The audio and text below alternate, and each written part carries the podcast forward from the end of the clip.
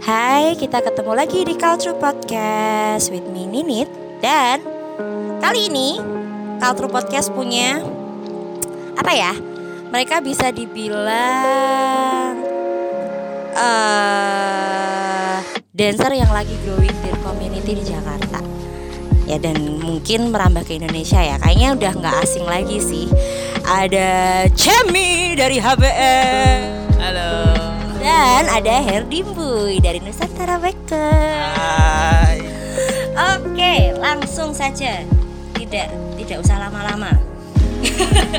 dari awal aja. Awalnya Cemi sama Bui mengawali nari.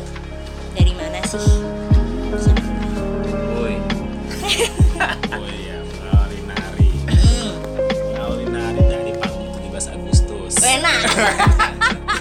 Mungkin karir profesional ya. Mohon maaf nih.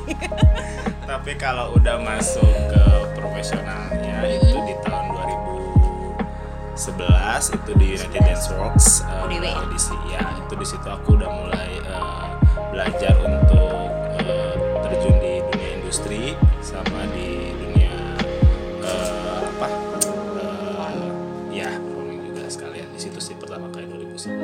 2011 2011. Oke, kalau Kak Cemi sendiri Kalau aku Dari nari udah dari kecil sebenarnya kayak dari usia 6 sampai 7 tahun udah perform di kawinan saudara. 17 Agustus ini kawinan saudara. Eh, karena kayaknya waktu itu mama yang ini sih yang kayak approach supaya jadi eh, kayak ngelihat eh, kesukaan aku di dance kayaknya. Jadi, tapi tariannya masih tari-tari yang ecek-ecek. Maksudnya kayak modern dance gitu ya. Cuman kalau untuk profesional eh, kayaknya waktu SMA itu udah mulai ikut tim. Terus di 2009 akhirnya bangun HBS sama kakak-kakak. Hmm. Kalau nggak salah HBS nih bersaudara ya? Ya, ya ya, kan? saudara. Kalian Jadi kita memulainya uh, founder bertiga. Jadi ada aku, Rain sama satu lagi Joan. Uh, terus sebenarnya ada adik aku satu lagi uh, Mario. Cuman dia ikut-ikut doang karena waktu dia masih SMA. Oke, oke. Sekarang bicara soal eh, Nusantara Wakers dan HBS tim sendiri. Nah, eh, gimana sih awalnya kalian ya meniti suatu dan apa ya kayak dancing? Kalau Cemi lebih ke tim, kalau Bui Komunitas. komunitas ya. Nah, apa ya kayak gimana kalau pertamanya kalian mengumpulkan masa terus apa ya membuat mereka tertarik lah sama kalian. Karena ka- kalau HBS kayaknya lebih ke koreografi betul? Tuh. Ha, terus kalau Nusantara Wakers di backing kan. Dan itu kan di Indonesia sendiri kayaknya agak-agak masih baru fresh gitu kan. Nah gimana nih kesan dan apa ya kesan du- suka duka? Nah membangun komunitas masing-masing. RT boy. Ribu di backing kalau aku sih sebenarnya sebenarnya sih banyak ya harusnya bibit-bibit yang ya terutama untuk wakers gitu. Sebenarnya banyak bibit-bibitnya. Sebelum pun aku eh, Susan sama Angelin eh, kayak eh, lead gitu di komunitas wakers sebelumnya juga memang banyak banget bibit-bibitnya. Namun belum ada yang berani untuk bisa ayo kita kumpulin semua bareng dan belajar barengnya gitu. Nah di waktu itu memang eh, aku Susan sama Angelin dulu yang memang untuk pengen yuk kita kapan kumpulin. Tapi eh, yang paling utama sih memang Susan yang udah paling awalin banget kan. Siapa sih yang kenal kanjeng itu kan ya? Kanjeng. Kanjeng itu ya. Gitu. Habis dari situ Susan baru deh grab aku sama Angelin buat kita gimana kita cari nih bibit-bibit cili-cili ya. Cili-cili yang bisa kita jadiin sambal burudi sambal Bandung ya sambal mata ya Sambal mata, sambal Tuh, Bisa. kita pernah tahu loh. ya. Jadi di situ kita cari-cari di beberapa kota, beberapa pulau juga yang mungkin di luar Pulau Jawa kan. Terus gila sih ngumpulinnya. Namun proses proses kita adain dulu biasanya eh, event-event kecil gitu yang kayak oke kita adain dulu yang di Jakarta dulu deh kita kumpulin dulu habis udah di Jakarta udah dapet baru kita cari yang di Bandung habis itu di Bandung baru cari ke kota-kota lain gitu dan kita cari yang di luar pulau line up-nya sih waktu itu gongnya itu ya all Asia Waking Festival di Bali itu Oh AWF. AWF itu 2000 berapa itu? Lupa. 2017 17. 2017 itu lama ya tata udah dua tahun Itu kan cukup bergengsi kan ya? Alhamdulillah Kayak banyak banget yang. Dari luar. dari banyak. luar baik banget di soalnya kita di situ udah mulai ngeliat ya oh banyak ternyata Wakers ke Indonesia Hmm. Gitu. Ada Tyrant Proctor. Yes. Ya kan? Pertama kali ke sini ya. Yes. FYI guys, Tyrant Proctor itu OG salah satu OG-nya eh, guys. kayak apa? Father of Waking. Nah, Father of Wakingnya yang masih living legend lah ya dari Betul. sampai hari ini. Oke. Kalau Chemi sendiri Soal heavy back style dengan style koreografinya. Oke, kalau HBS sendiri eh, kayaknya memang dari awal kita dari awal kita mendirikan itu punya ketertarikannya memang di koreografi. Makanya kayak eh, apa yang kita lakukan fokusnya mungkin lebih koreografi dan mungkin lebih ke studio. Jadi kayak lebih kelas, lebih buat konsep, lebih buat project-project kayak gitu. Jadi eh, dari situ eh, mungkin eh, dari anak-anaknya sendiri yang ada di sana. Sebenarnya kalau ditanya gimana cara yang ngumpulin, sebenarnya juga nggak tahu ya. Mungkin karena karena punya ketertarikan yang sama aja. Akhirnya eh, mereka ada di sini dan eh, kita selalu ngasih ini kayak kebebasan mereka untuk bisa explore mereka sukanya apa, maksudnya style apa yang mau mereka eh, kembangin sama mau jadi koreografi yang seperti apa. Itu eh, terserah mereka. Jadi kayak bukan semisal kayak karena aku leadernya terus semua harus jadi kayak Jamie atau semisal sekarang Ade leadernya semua harus jadi kayak Ade nggak, tapi kayak lebih jadi platform untuk mereka bisa eh, menjadi koreografer sesuai apa yang mereka mau. Oh, nice. Oke. Oke, sekarang bicara soal koreografi dan waking. Eh, kalau dilihat nih ya, secara apa ya, mah timbulnya mereka berdua ini di Indonesia kan terhitungnya baru nih. Kayak koreografi tuh kayak maraknya dua tiga tahun Ya, terakhir ini kan koreografi urban style Urban, ya. gitu-gitu kan. Sama juga dengan waking kan mereka kayak apa ya growing pointnya tuh baru kayak naiknya tuh 2-3 tahun terakhir ini. Nah, awalnya ya strugglingnya kalian apa ya kayak meyakinkan kalau guys koreografi ini tuh adalah sesuatu yang asik gini gini gini waking itu adalah begini begini di maraknya waktu itu kan kayak kita lagi uh, hip hop banget Ya, ya, ya, banget ya. kan semuanya lagi demen battle. Dance competition tuh jarang banget. Battle battle battle battle battle battle. Tapi wadah untuk waking yang performing arts dan koreografi yang juga performing arts jarang. Nah itu gimana kalian? Struggle-nya atau sampai sekarang kalian punya menurutku kalau aku lihat di Indonesia sendiri kayak komunitasnya waking dan apa HBS sendiri ha, koreografi growing banget sih. Sampai kalian udah berani apa mewakili Indonesia di mana di mana di mana gitu. Herdim boy. Herdi Boy lagi. Enggak sih ini maksudnya kayak eh, ya sekalian sekalian juga ya.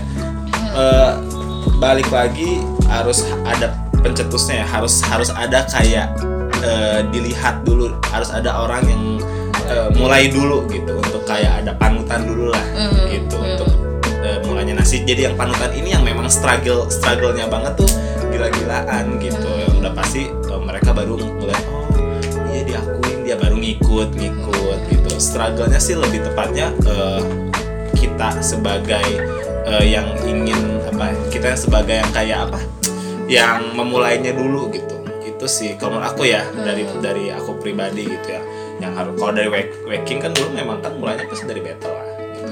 kita pasti struggle-nya adalah gimana kita jangan di Indo terus gitu coba kita Hmm. keluar deh kayak kita harus keluar gitu aku follow up ya waktu itu kan eh, di skena battlenya Indonesia sendiri tuh aku lagi ter apa terkenal makanya hip hop Yes. everybody do hip hop Yes. gitu kan everybody do hip hop apa everybody do breaking dan yang lainnya nah waking ini kan waktu itu salah satu yang baru banget ya dan orang Indonesia tuh kayak "Ini apa sih?" gitu kan Yes, ya. nah itu gimana apa ya caranya Bui dan apa kasusan ya Hmm. Bui kasusan dan Angelin mau apa ya tetap struggling kayak kita harus waking guys sampai even di All akhirnya Style ya.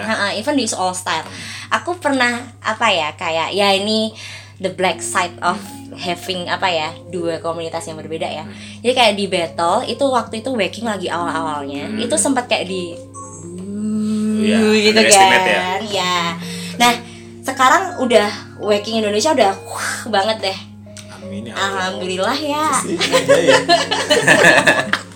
Nah itu. Jadi waktu awal-awal itu meyakinkan orang-orang yang semuanya lagi hip hop nih dan ini Hmm, underest apa ya? Ada estimate. Mm-mm, itu gimana?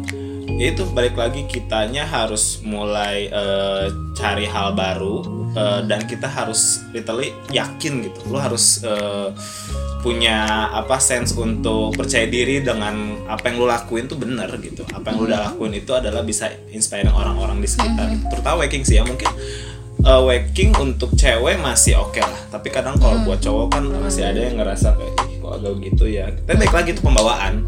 Gitu. ketika lo pembawaan lu bener- beneran dari hati ketika lo nari lo udah eh, apa adanya diri lo orang pun akan ngelihatnya kayak oh ya itu diri lo kayak gitu gitu. Lo nggak perlu dibuat-buat gitu menurut aku ya gimana sih cara meyakinnya karena memang eh, dulu pun kalau lihat battle pernah nggak sih lihat battle sebelum ada waking ya? Cowok-cowok pasti yang lady style gitu gitu. Tapi nggak ngerti maksudnya apa sih dari Ah. sense yang dia lakukan gitu kan gitu. jadi struggle-nya balik lagi adalah kita harus yakin sama diri sendiri untuk lakuin apa eh, poin lu ketika lu nari gitu. Apa yang ingin lu dan apa yang hal jujur ingin lu sampaikan gitu.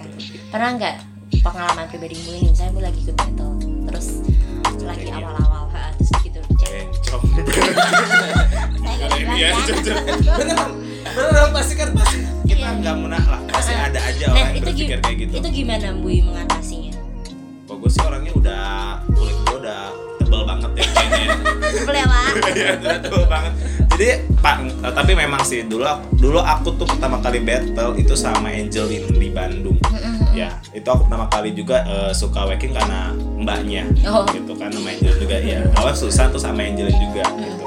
Nama battle di awal-awal juga aku ada beberapa anak eh, yang memang ngelihatnya "Kok gitu ya? Nari ah, apa sih nggak jelas gitu. Tapi ya balik lagi kalau misalnya nggak jelasnya lu nggak tahu mau ke mana stylenya pasti akan dilihatnya kayak yang nggak jelas gitu gitu kan. Makanya di situ aku ngeliat ada waking ya. Waking juga kan grow di luar Indo kan udah jauh-jauh hari kan so aku kejar nih apa nih roots dari waking gitu gua harus yakin ketika intinya gini deh bahasa ya bahasa jujur bangetnya ya kalau lu mau kalau lu mau cowok kalau lu mau eh, jadi ladies lu jangan kaleng gitu ya.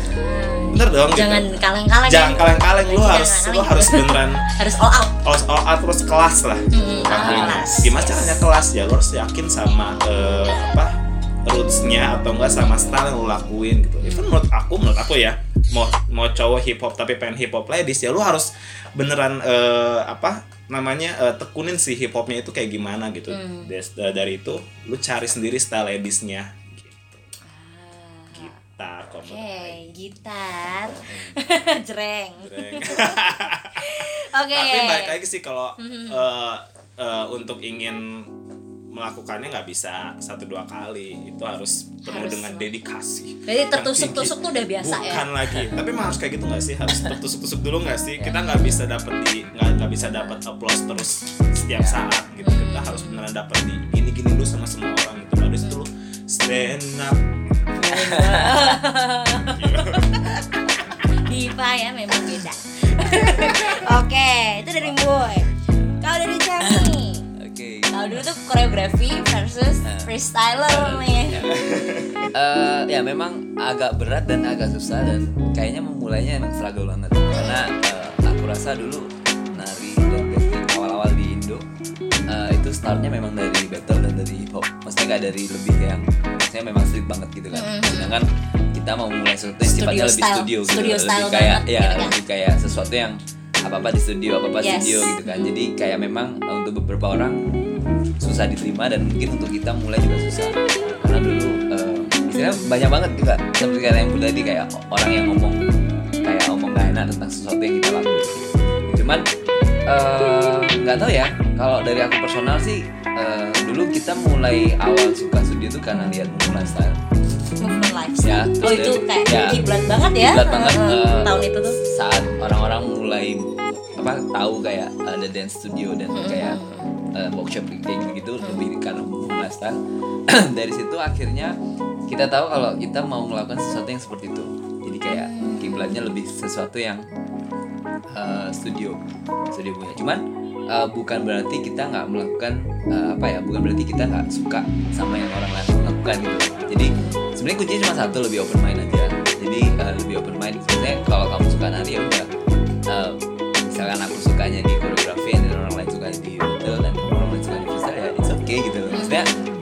melakukan sesuatu yang uh, cari sesuatu yang uh, buat kamu happy kan? Dan and for me kayak ini yang buat aku happy gitu. Ini yang membuat aku merasa aku bisa growing aku merasa bisa ngelakuin something yang bener-bener uh, apa ya kayak suka aja ngelakuinnya kayak gitu. Terus dulu memulai awal-awal juga dulu aku juga sering turun battle sering turun freestyle. Cuman aku nggak nggak merasa apa ya kayak kayak kurang merasakan panggilannya gitu. Loh. terus mungkin banyak orang juga yang yang beranggapan kalau semisal oh orang orang koreografi sama dengan uh, anti freestyle. Enggak. Ya. karena uh, saat aku uh, aku pun personal kalau aku bu- buat koreografi aku harus freestyle. Cuman memang kalau untuk battle itu panggilannya nggak di situ. Kayak aku merasa merasa tertekan kayak merasa yang kayak nggak nyaman terus kayak merasa apa ya kayak nggak suka aja sama pressure yang seperti itu gitu tapi kalau untuk eh, koreografi aku ngelakuinnya tuh ngerasain happy gitu. Jadi itu kenapa akhirnya kita bisa terus sampai di situ dan eh, kalau untuk aku personal aku ngejarnya memang di situ. Jadi itu yang membuat kita bertahan sampai sekarang. Ya tapi ya aku ingetin lagi maksudnya satu poin yang paling penting adalah open mind. Ya. jadi open mind. Jadi berusaha untuk eh, ya udah cari sesuatu yang buat kamu happy tapi kamu nggak harus melihat sisi lain itu salah atau sisi lain itu kayak apa ya eh, nggak benar kayak gitu. Oh, kadang ya lebih bisa melihat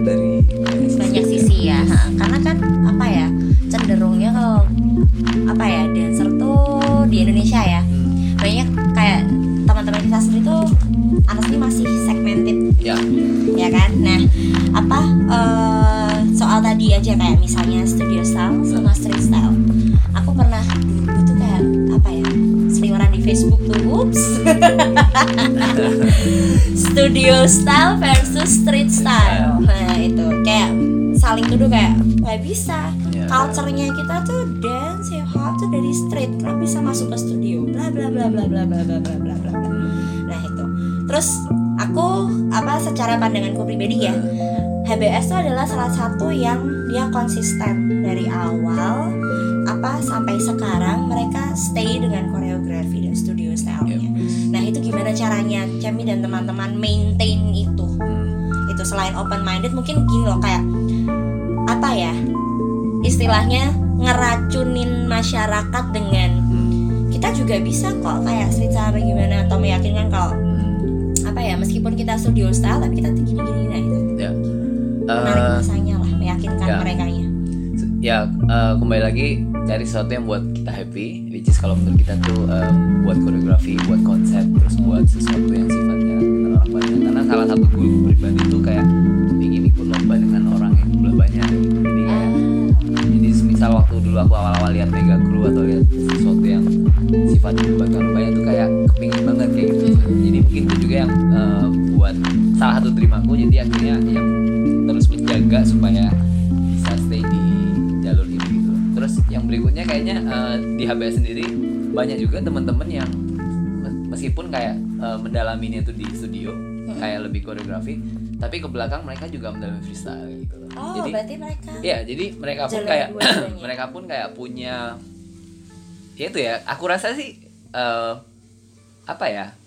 Eh, mindset mereka yang kayak open mind gitu loh. Jadi saat mereka kepingin eh, ngelakuin freestyle, mereka freestyle dan mereka kayak nggak main-main gitu loh. Kadang sampai ada yang turun beneran di di battle-battle istilahnya yang untuk umum gitu loh. Jadi mereka juga melakukan itu dan misalkan kalau ditanya aku sebagai founder sebagai leader ya nggak apa-apa dan aku support gitu dan aku seneng gitu loh bukan berarti kayak aku oh karena kita di studio style karena kita di Coba ya nggak boleh semua orang nggak boleh ngelakuin battle no maksudnya kalau aku pun aku punya panggilan situ aku akan turun. Karena beberapa poin ada beberapa saat saat misal eh, aku tahu aku bukan orang battle tapi ada ada poin kayak aku pingin support dan scene-nya aku akan turun. Meskipun di situ aku tahu kalau aku bakal kacau gitu kan. Karena aneh juga kalau aku nggak pernah latihan terus tiba-tiba aku turun terus tiba-tiba aku jago gitu kan kayak kayak nggak masuk akal kan. Tapi di satu poin itu yang yang aku rasa apa ya lebih chill aja lebih chill aja terus lebih kayak ngelakuin itu kalau misal kamu memang perlu ngelakuin ya udah lakuin aja gitu. jadi nggak perlu dengan embel-embel negatif thinkingnya tapi kayak lebih melakukan sesuatu ya itu ada saja gitu kayak bener-bener lakukan aja yang yang yang menarik menarik menarik. Sebentar. Seperti perlu saya pause dulu oke. Kembali lagi. Yeay. tadi soal strugglingnya mereka berdua community ya area HBS dan baking sendiri dan segala suka dukanya mengumpulkan membangun komunitas ini jadi sekarang lebih baik lah ya. Terus eh, ini aku mau tanya soal pencapaiannya. Kalau apa komunitas masing-masing nih. HBS sudah kayaknya tiap tahun selalu resital ya. Nggak tiap tahun. Ya rutin nggak ada rutin lah ya itu konsisten juga. Apa namanya? Eh, yang terakhir aku dengar HBS split. Ya. Ada di Surabaya dan ada di Jakarta. Iya. nggak split sih ya Sengaja. membuka cabang.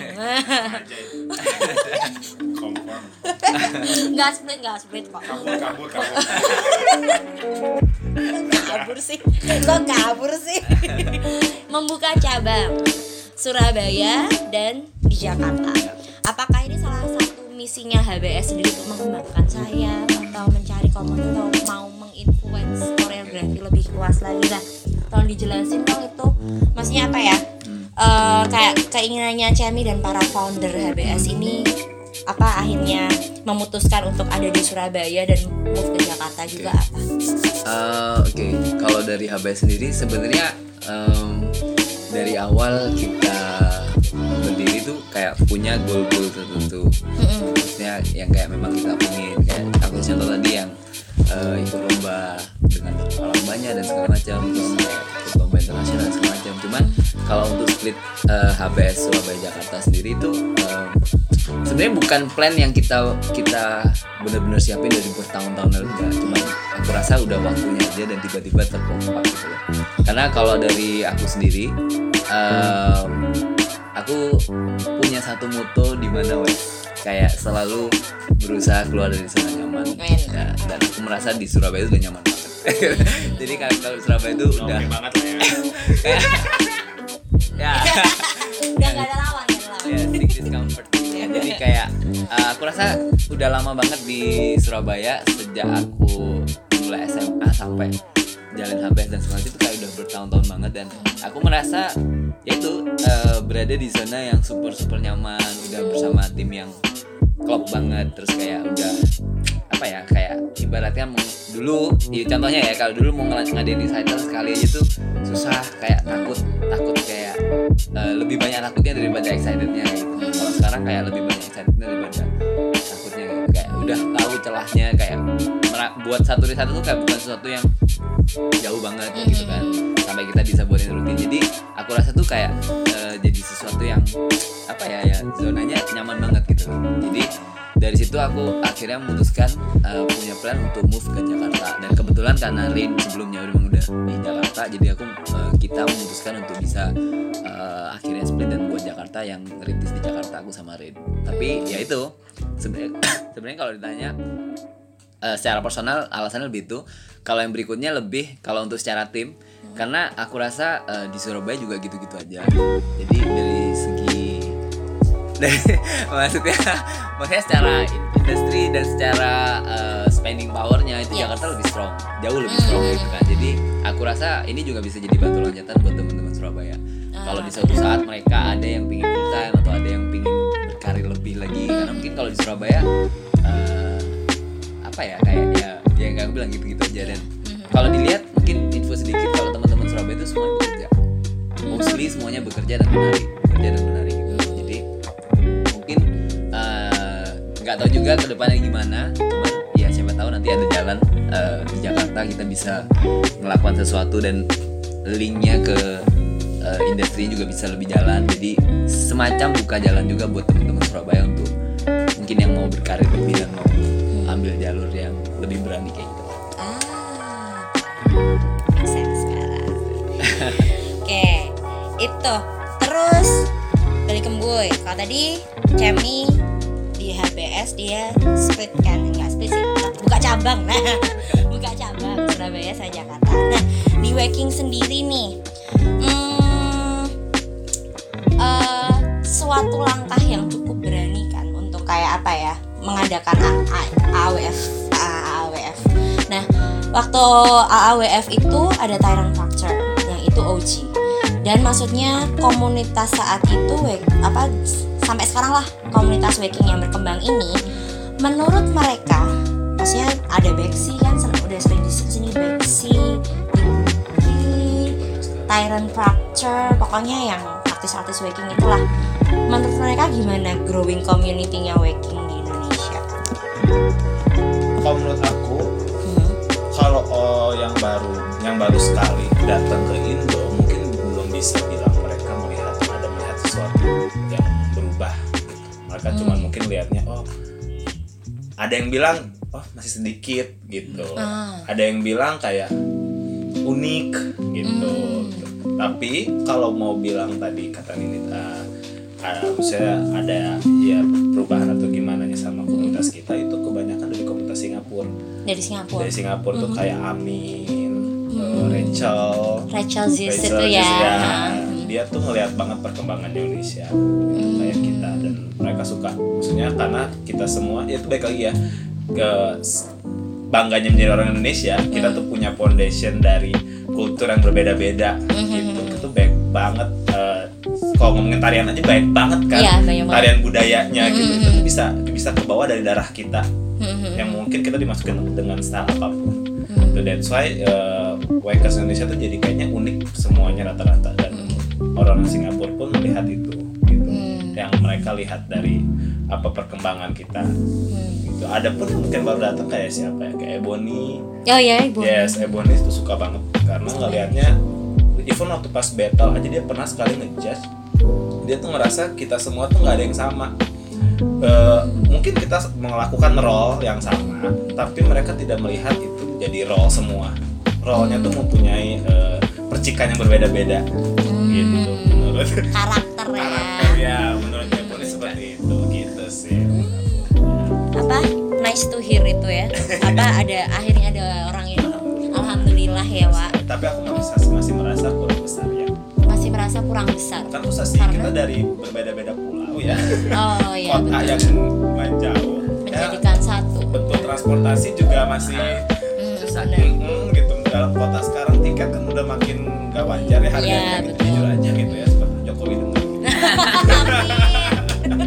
jadi susah untuk ngumpulin semuanya ya kita Semua ya. harus ngomong di Jakarta bener kata Cemi gitu kita harus semua ngumpulin Jakarta tapi kan yang dari pulau-pulau lain dari Papua mungkin Dari ada, Lombok. dari Lombok gitu kan yang senang banget kita kan susah banget gitu untuk ngumpulin segitu yang pengennya sih sebulan sekali tapi kan nih Iya, lagi duitnya. saya gitu Iya, betul, betul, betul, betul. Kalau nggak salah tuh dulu soal ngumpul-ngumpul ini apa eh, Nusantara Wakers pernah ngadain camp ya kayak Ya, kumpul gathering gathering mini Jogja. gathering kan ah, di Jogja. Tuh, tuh. Ah, aku jadi intruder. Iya kamu kan datang. Mimit hip hop gua panggilnya. Tahu di dicengin sama mereka. Terus, nah itu eh, dari camp itu itu 2000 berapa sih aku lupa. Aku masih di Jogja. 17 17 ya 2017 nah apa yang bisa apa ya eh Eh enggak 2016. 2016an ya 2016. apa yang bisa didapat dari situ dari komunitas waking yang apa pertamanya awalnya cuma Angel, Boy sama Susan. ha Kak Susan. Nah dari situ ada apa ya perkembangan yang signifikan nggak dari situ? Hmm. Kalau nggak salah kayak ngumpulin pentolannya tiap daerah gitu Iya, kan, iya, iya, iya, tiap iya. pulau gitu kan. Jadi kumpul di satu rumah terus kalian gathering bersama. Itu Perubahan setelah itu setelah kumpul banyak banget. Banyak Banyak, banget karena gini eh, aku Susan sama Angelin itu kenapa waktu itu kita mengadain gathering karena kita pengen menyamakan eh, mindset kita tentang waking gitu jangan sampai melenceng atau jangan sampai kita mengikuti eh, tren di luar gitu. kita harus Mhm. punya tren sendiri yang kita bikin menyamakan ini ya Yes, mindset sama visi misi ya. Yes, gitu. Mhm. Even mau- even dari segi perilaku pun kita kita tetap samain mindsetnya kita akan seperti apa. Gitu. Kalau dari kalau dari eh, apa kode teknik udah jelas kita sama ini dan dari segi pengajaran kita samain. Jangan sampai lu ngajarin hanya cuman roll doang nggak bisa gitu harus ajar itu sesignifikan mungkin gitu dari segi that's why kita samain waktu itu di Jogja semuanya kumpulin tiap eh, apa namanya eh, orang-orang yang memang mereka bisa jadi trendsetter di tiap kota tiap pulau kan dulu dari Surabaya udah pasti Mbak Kevin itu kan dan Anam ya kan? baik terus ada dari Medan ada Feli siapa Siap. lagi terus ada salah dari Salatiga eh, Rangga. Rangga gitu banyak deh pokoknya semuanya dikumpulin jadi kita biar sama jadi kalau mereka adain workshop samain gitu samain eh, dari rootsnya. Namun kalau dari cara-cara penyampaiannya atau nggak mungkin kalau kalian mau nambahin sesuatu eh, gerakan yang berbeda itu is oke banget. Hmm. itu sih sebenarnya. Dan, dan dan dari situ ada banyak perubahan banget. Udah mulai kelihatan-kelihatan kayak oh iya ternyata dia kayak gini sekarang. Jadi kita udah nggak perlu lagi kayak ngasih tahu di WhatsApp eh lu nggak boleh kayak gini lagi nggak boleh. Apalagi eh, kalau misalnya udah berhubungan sama poster gitu kan ada tuh yang tiba-tiba melenceng ngomonginnya apa gitu ngomonginnya ke mana itu nggak bisa. Maksudnya kita harus tetap punya eh, apa eh, rules yang sama ketika mau ngomongin kayak gitu. Karena beda ya kalau eh, style wacking, locking, nah tuh, benar. eh, kayak balet kita kayak punya eh, punya Pakem ya? eh, punya bukunya sendiri tapi Oh, eh, ada tapi tapi memang nggak nggak seperti balet. Balet tuh literally lu harus Oh, saklek. Ya saklek gitu. Kita tuh ya balet ex kontemporer lah. Oh. sometimes kita bisa Hmm. se-free itu untuk ngelakuin Oke. eh, hal gitu. Hal yang paling penting di waking sendiri Hmm. apakah skill itu atau hal lain? Nggak hal lain. Apakah Karakter. itu? Karakter. Karakter. Yes. Kayak teknik itu teknik tuh nom kalau menurut aku nggak nomor satu nomor dua itu kayak Oh, nomor iya? tiga ke atas ya. Oh. Gitu performing nggak performing sih yes gitu Ya kita kan? tuh harus menjadi performing yang literally dari seribu orang yang nonton lu harus jadi salah satu satunya yang paling stand out ya Ah. di antara seribu itu gitu. that's what battle aku belajar waking juga sih all about performing Hmm, pokoknya oh all spotlight on me all spotlight on me ya yes. gitu that's why itu yang juga Oh baik. Terus, nah nih ngomong-ngomong soal spotlight performing kalian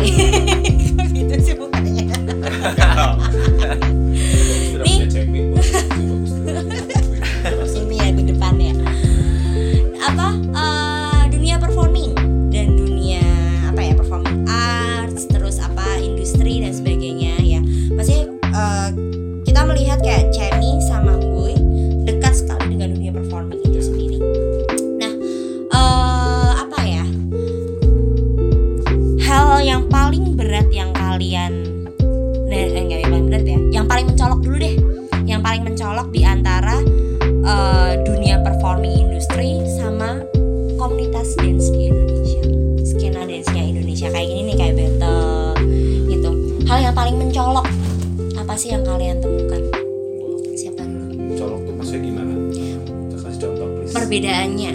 Atau mungkin misalnya kalau di performing arts tuh gini gini gini.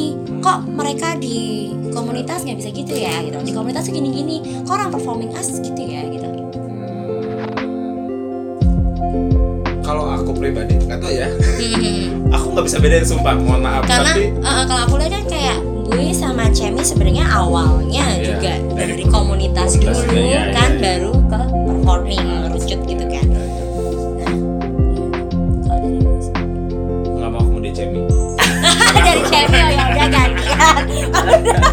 Oke. um, wait, kalau menurut aku sih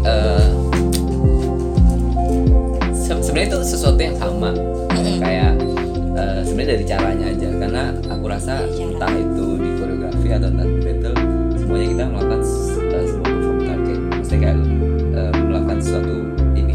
Cuman mungkin eh, aku lebih ke masalah industrinya aja kali ya. Kalau aku rasa yang sedikit membedakan antara komunitas sama industri.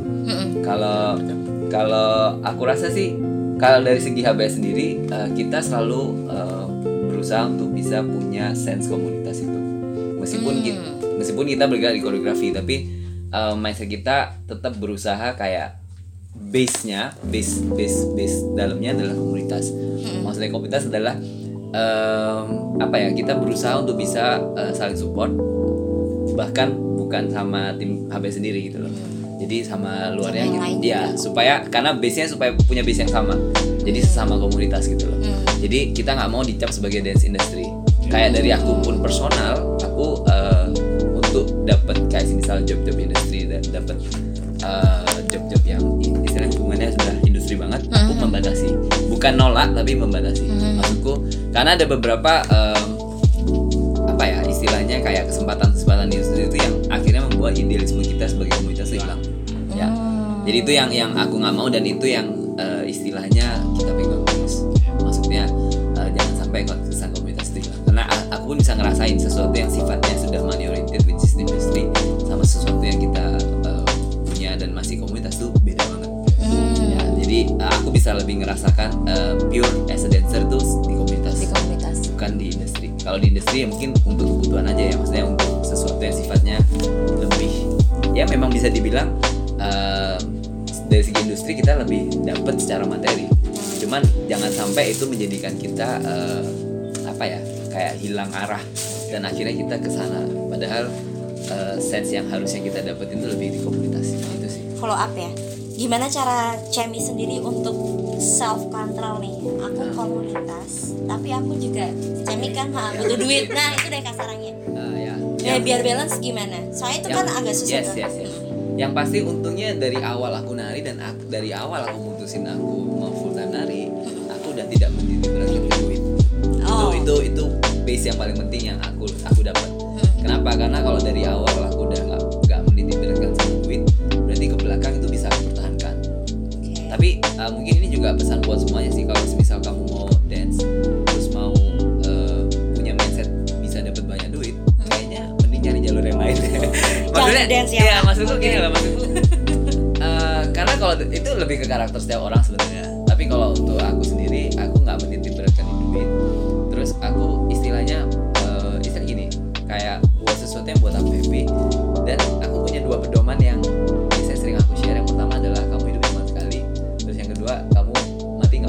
gitu jadi kadang tuh uh, kadang kadang uh, dengan kita menitik beratkan ke duit dan kita terus ngumpulin ngumpulin ngumpulin ngumpulin, ngumpulin gitu jadi akhirnya kita sering kehilangan jati diri Ah. jadi itu um, itu yang aku syukuri sih karena aku merasa hidupku nggak terlalu aku patokan oh aku harus, Harus duit. sukses kayak harus berduit bla bla bla bla bla gitu jadi itu yang menjaga aku dan akhirnya bisa balance kayak oh kalau semisal ini nggak buat aku happy ya udah aku tolak semisal ini uh, job ini kayak misalnya aku dapet job uh, sebenarnya badannya gede. Cuman aku merasa di job ini aku nggak ngelakuin apa apa maksudnya kayak aku nih sebenarnya nggak nggak improve apa apa gitu loh. Nggak happy. Dan uh, aku merasa kayak aku lagi nggak improve ya udah aku tolak. Ngapain? Karena aku tahu saat aku meskipun itu dengan tawaran gede. Gede gitu. Ada satu sekolah waktu aku di Surabaya ya, aku dapet tawaran dan itu istilahnya kayak eh, mungkin secara materinya aku eh, gede banget gitu loh Hmm. cuman dari segi akunya aku udah merasa nggak nyaman satu hal aku nggak nyaman sama kompetisinya yang kedua aku merasa aku nggak mau ngapain gitu loh aku aku nggak mau ngapain di suatu city aku kayak udah udah apa ya udah udah di poin ya kalau aku terima ini aku cuma Ya udah aja gitu-gitu karena aja. hatiku udah nggak ada gitu loh Ya, kayak gitu. jadi ya aku tolak Ngerti nggak sih? ya kayak itu jadi same here Nah, jadi itu sih maksudnya lebih sama. ke itu sih itu itu itu jadi sering sering ke flash sering nge flashback aja sih yang kamu dapat apa yang eh, kamu keluarkan gitu kan. Kalau Iya. kamu merasa nggak dapat apa tapi kamu cuman eh, tapi apa ya ya sering-sering kontrol diri sendiri aja sih. Lebih sering nonton. ya lebih flashback sama lebih sering mempertanyakan diri sendiri. Hmm, bisa. Bisa jadi pedoman buat teman-teman yang mau memutuskan ya untuk menjadi full time dancer. Take it twice ya. So Bui sendiri Bui ini deket banget nih sama dance industry karena di United Dance Work ya Ya. Hmm, tapi kayaknya karyanya juga wah banget sih alhamdulillah Nah, untungnya untungnya kali ya, untungnya aku, Mm-mm. aku tuh memang eh, besarnya di eh, komunitas ya unitnya di Danceworks ini komunitas yang memang eh, tidak eh, menunjukkan untuk lu harus money oriented gitu. Untungnya gitu, tidak ke situ dan kayak si Uta Barat ini sangatlah berjasa untuk hidup saya salah satunya Mama ya, Eci. Mama Eci ini. Karena dia beneran eh, ngebuat kita semua anak dewe itu nggak nggak nggak perlu harus ke situ gitu. Kita di eh, even kita di industri aja nari di TV aja kita terus bener kontrol tekniknya kita kita harus bener narinya. Kita nggak bisa cuma kiri kanan dengan modal kostum yang bagus gitu. Dan so dari situ kita langsung berpikir ya kita dibayar tapi kita harus make sure dengan dibayar ini kita harus lebih ngelakuinnya gitu. Dan so uh, walaupun ya kita butuh duit memang waktu hari itu di mana masa-masanya namun kita tetap ngerasa itu bukan hal utama gitu. Kita harus puas gitu. Benar kata kita harus ngerasa happy ngelakuin itu. Dan tentunya aku di United National itu ya pasti ada lah namanya pressure ngerjain ini lah bikin koreografi dadakan apalah. Tapi after all kita ngerasa ya ini ini yang kita itu ini yang ngebuat kita jadi uh, kuat mental nih ya gitu. Ini ngebuat kita menjadi terus berkarya terus berpikir gitu dengan dorongan eh, apa eh, jam terbang yang kayak harus gini harus gini harus gitu harus gini. Uang tuh kayak menurut aku ya di desa industri ya. Kalau aku di Jakarta itu kayak gaya lubang tutup lubang intinya. Enggak lomba tuh lomba. Iya intinya kayak ya buat intinya gue nggak mau susah gitu. Jangan sampai gue susah tapi jujur aja gue memang belum bisa nabung di saat itu gitu. That's why eh, balik lagi eh, kalau di UDW di National itu memang komunitas plus industri udah udah nyatu Udah udah, menyatu klop. ya. iya udah klop. Membuat oh membuat balance-nya tadi ya. Balance-nya Udah itu. udah di set udah dari di set awal. dari awal. Jadi bukan gini ya sekarang kita realistis aja ya gitu. Kalau kalau lu bergerak gini lu lulus SMA lulus SMA nih lu mungkin udah ikutan dan modern dance di SMA after dance itu lu diajakin nih buat langsung nari nari industri. Terus nari industri aja terus seumur hidup lu. Nah di situ lu udah udah udah mulai kelihatan bahwa lu akan nyaman di situ terus. Padahal lu nggak re- realize bahwa itu kayak apa ya kayak nggak akan maju-maju gitu. Lu nggak akan step lu nggak akan level up di situ. Karena lu karena lu akan mindset sama duit sama duit. Lu cuma ngelakuin uh, steps uh, kanan kiri bawah atas dapat satu juta. Dari dari situ lu ngerasa pengen gitu terus ngelakuinnya gitu. That's why ya aku juga uh, sama kayak cemeng nggak mau nggak mau terlalu uh, terus-terusan industri. Nggak mau karena itu yang ngebuat aku nyaman dan kalau aku terlalu gitu dan aku takut takut lupa akan idealis aku tapi untungnya di UDW nggak gitu untungnya. Untungnya lebih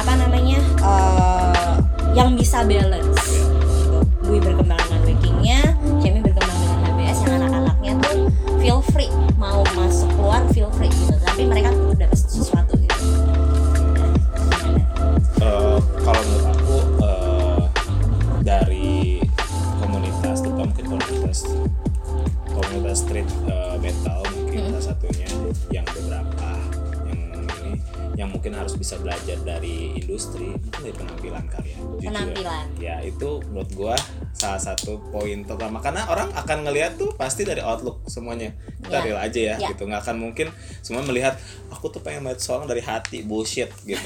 Semua orang pasti lihatnya dari outlook gitu ya. Dan soalnya kalau kita namanya per eh, kalau kita namanya ini menampilkan sesuatu ya kita harus all out outside and inside kita harus full gitu lah. Full Nah, gitu. Menurut aku di street battle yang harus dibaca apa komisi industri ada seperti itu.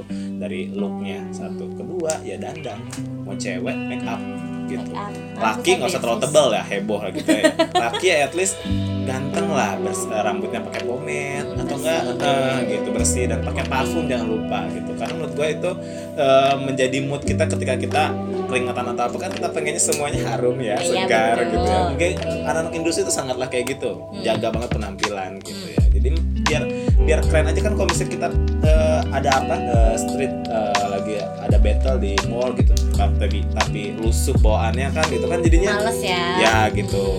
Tapi kalau misalnya industri kan mereka bawa latihan aja pada dandan gitu kan. Gitu ya tapi itu juga kadang eh iyahnya oke eh boleh dandan tapi kadang ya tahu timing aja. Itu yang mungkin harus belajar dari ke komunitas street ke industri. Tapi kalau industri komunitas street menurut aku harus bisa lebih ini sih lebih iniin dance-nya sih. Apa ya sebutannya? Kayak eh, improve dari segi dance-nya sih. Kalau Skill. skillnya gitu. Maksudnya mau apa pun genre karena kalau di dance ini aku ngerasain banget udah berapa kali udah menari di industri pasti kan banyak klien-klien yang mau nari.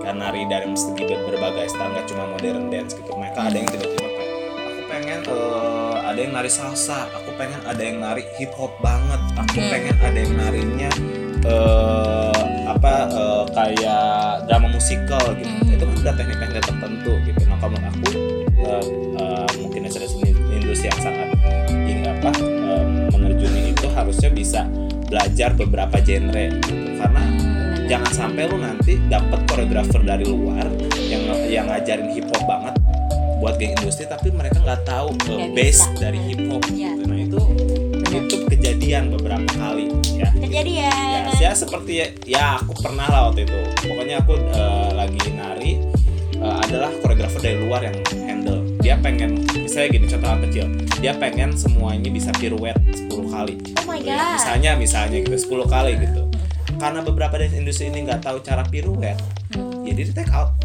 ada beberapa dancer industri yang mungkin belajar eh, base-nya juga di komunitas jadi dipakai gitu Hmm. intinya kita harus tetap ingat kita penari ya kita belajar nari yang bener gitu. Nggak kaleng-kaleng. Iya, nggak nggak kaleng-kaleng. Kita nggak bisa menampa, hanya menampilkan day look doang ya gitu dari penampilan doang dari dari cantik dan gantengnya tapi nari kanan kirinya masih offbeat misalnya gitu kan gitu. itu sih yang harus belajar di industri kepada komunitas oke jawaban yang bagus gimana kalau Cemi kurang lebih sama sih. Ya.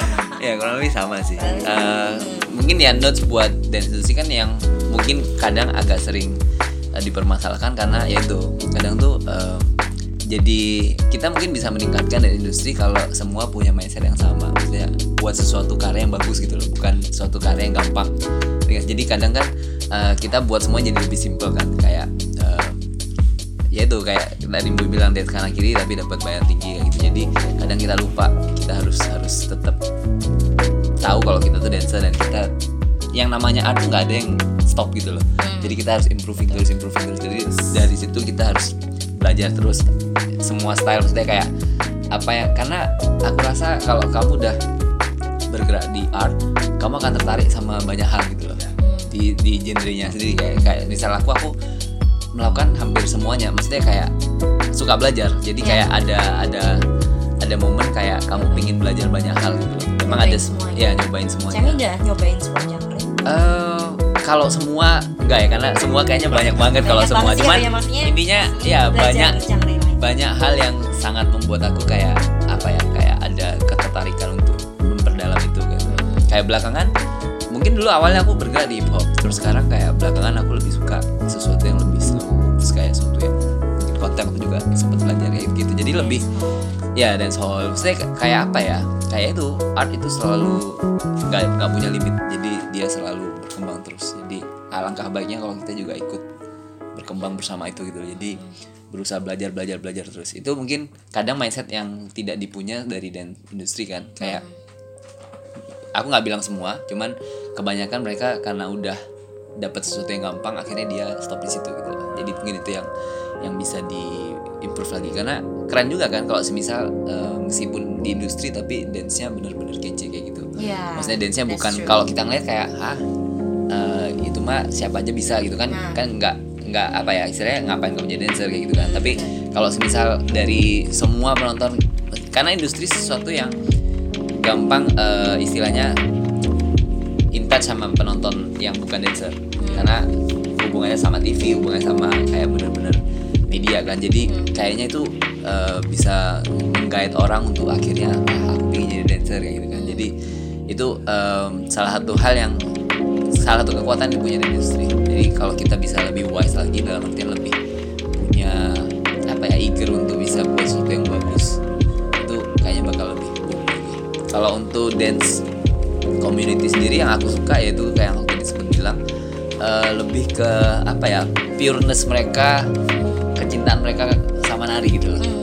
Karena kecintaan mereka sama nari akhirnya mereka tuh bener-bener eh, ngasih semuanya di situ. Jadi beda banget kalau kalau kalau kita ngelihat eh, dance yang ibaratnya kayak misal event-event di battle atau event-event itu kayak ngeliat orang freestyle dan ngeliat orang kayak aku bukan freestyler bukan battle maksudnya kayak nggak medali tapi saat ngeliat orang melakukan itu tuh bisa kelihatan banget kayak eager mereka kayak kecintaan mereka sama dance itu yang uh, juga menginspirasi jadi bisa membalancekan keduanya kayaknya bakal asik Jadi bukan hal nggak mungkin ya untuk menjalani ya keduanya. no no Sebenarnya segmented apa segmentasi Ya. industri dan komunitas itu sebenarnya nggak perlu ada. Nggak perlu ada. Sebenarnya. Ya. Tapi sebenarnya tambahan doang sedikit. Aku baru ingat sesuatu. Jadi kayak kayaknya untuk sekarang-sekarang tahun-tahun ini sih. Tahun-tahun ini kayaknya industri itu lagi sering ikutan workshop. ya Yes. Workshop. Hmm. Tapi ada dua pertanyaan. Apakah mereka literally ingin belajar ataukah memang karena pengen masuk video selected diupload? Ah, wah Iya. ini tambah panjang nih podcastnya. Enggak apa enggak apa enggak apa. Ya, Cuman, ya, ya. cuman ini menjadi Ya, ya, ya. menjadi Ya, ya. menjadi eh, apa ya? eh, note note aja gitu. Hmm. Ketika lu memang lu pengen ikut Hmm. gitu. Belajar gitu. Dipilih nggak dipilih ya udah ya udah gitu Namanya Jadi lu kelas. belajar gitu Kelas. jangan sampai lu terlalu menggebu-gebu karena aku aku eh, pengalaman pribadi sih aku ikut pernah ikutan satu workshop yang bergengsi banget itu banyak banget yang anak industrinya tapi gua nggak enjoy ikutan kenapa karena mereka di sini pembawaannya jadinya semuanya kayak pengen Show off. show off gitu Ya, ya. jadinya nggak nggak no ini bukan gua banget gua nggak mau di sini gitu. Karena gua di sini mau belajar dulu gitu. ya beda lah kalau pengen kalau lu maunya kayak show off kayak gitu ya itu lu baru lagi datang audisi untuk suatu acara boleh. Kayak Iya. gitu lu harus kayak gitu lu harus stand out. Kan kayak di luar negeri dance dancer industri itu kan di audisi dulu kebanyakan Iya. gitu. Nggak ada yang tiba-tiba dihubungi eh bisa show ini nggak? Coba lihat muka muka mukanya sama badannya berapa. Oh bagus ya udah dance tarik dulu deh gitu.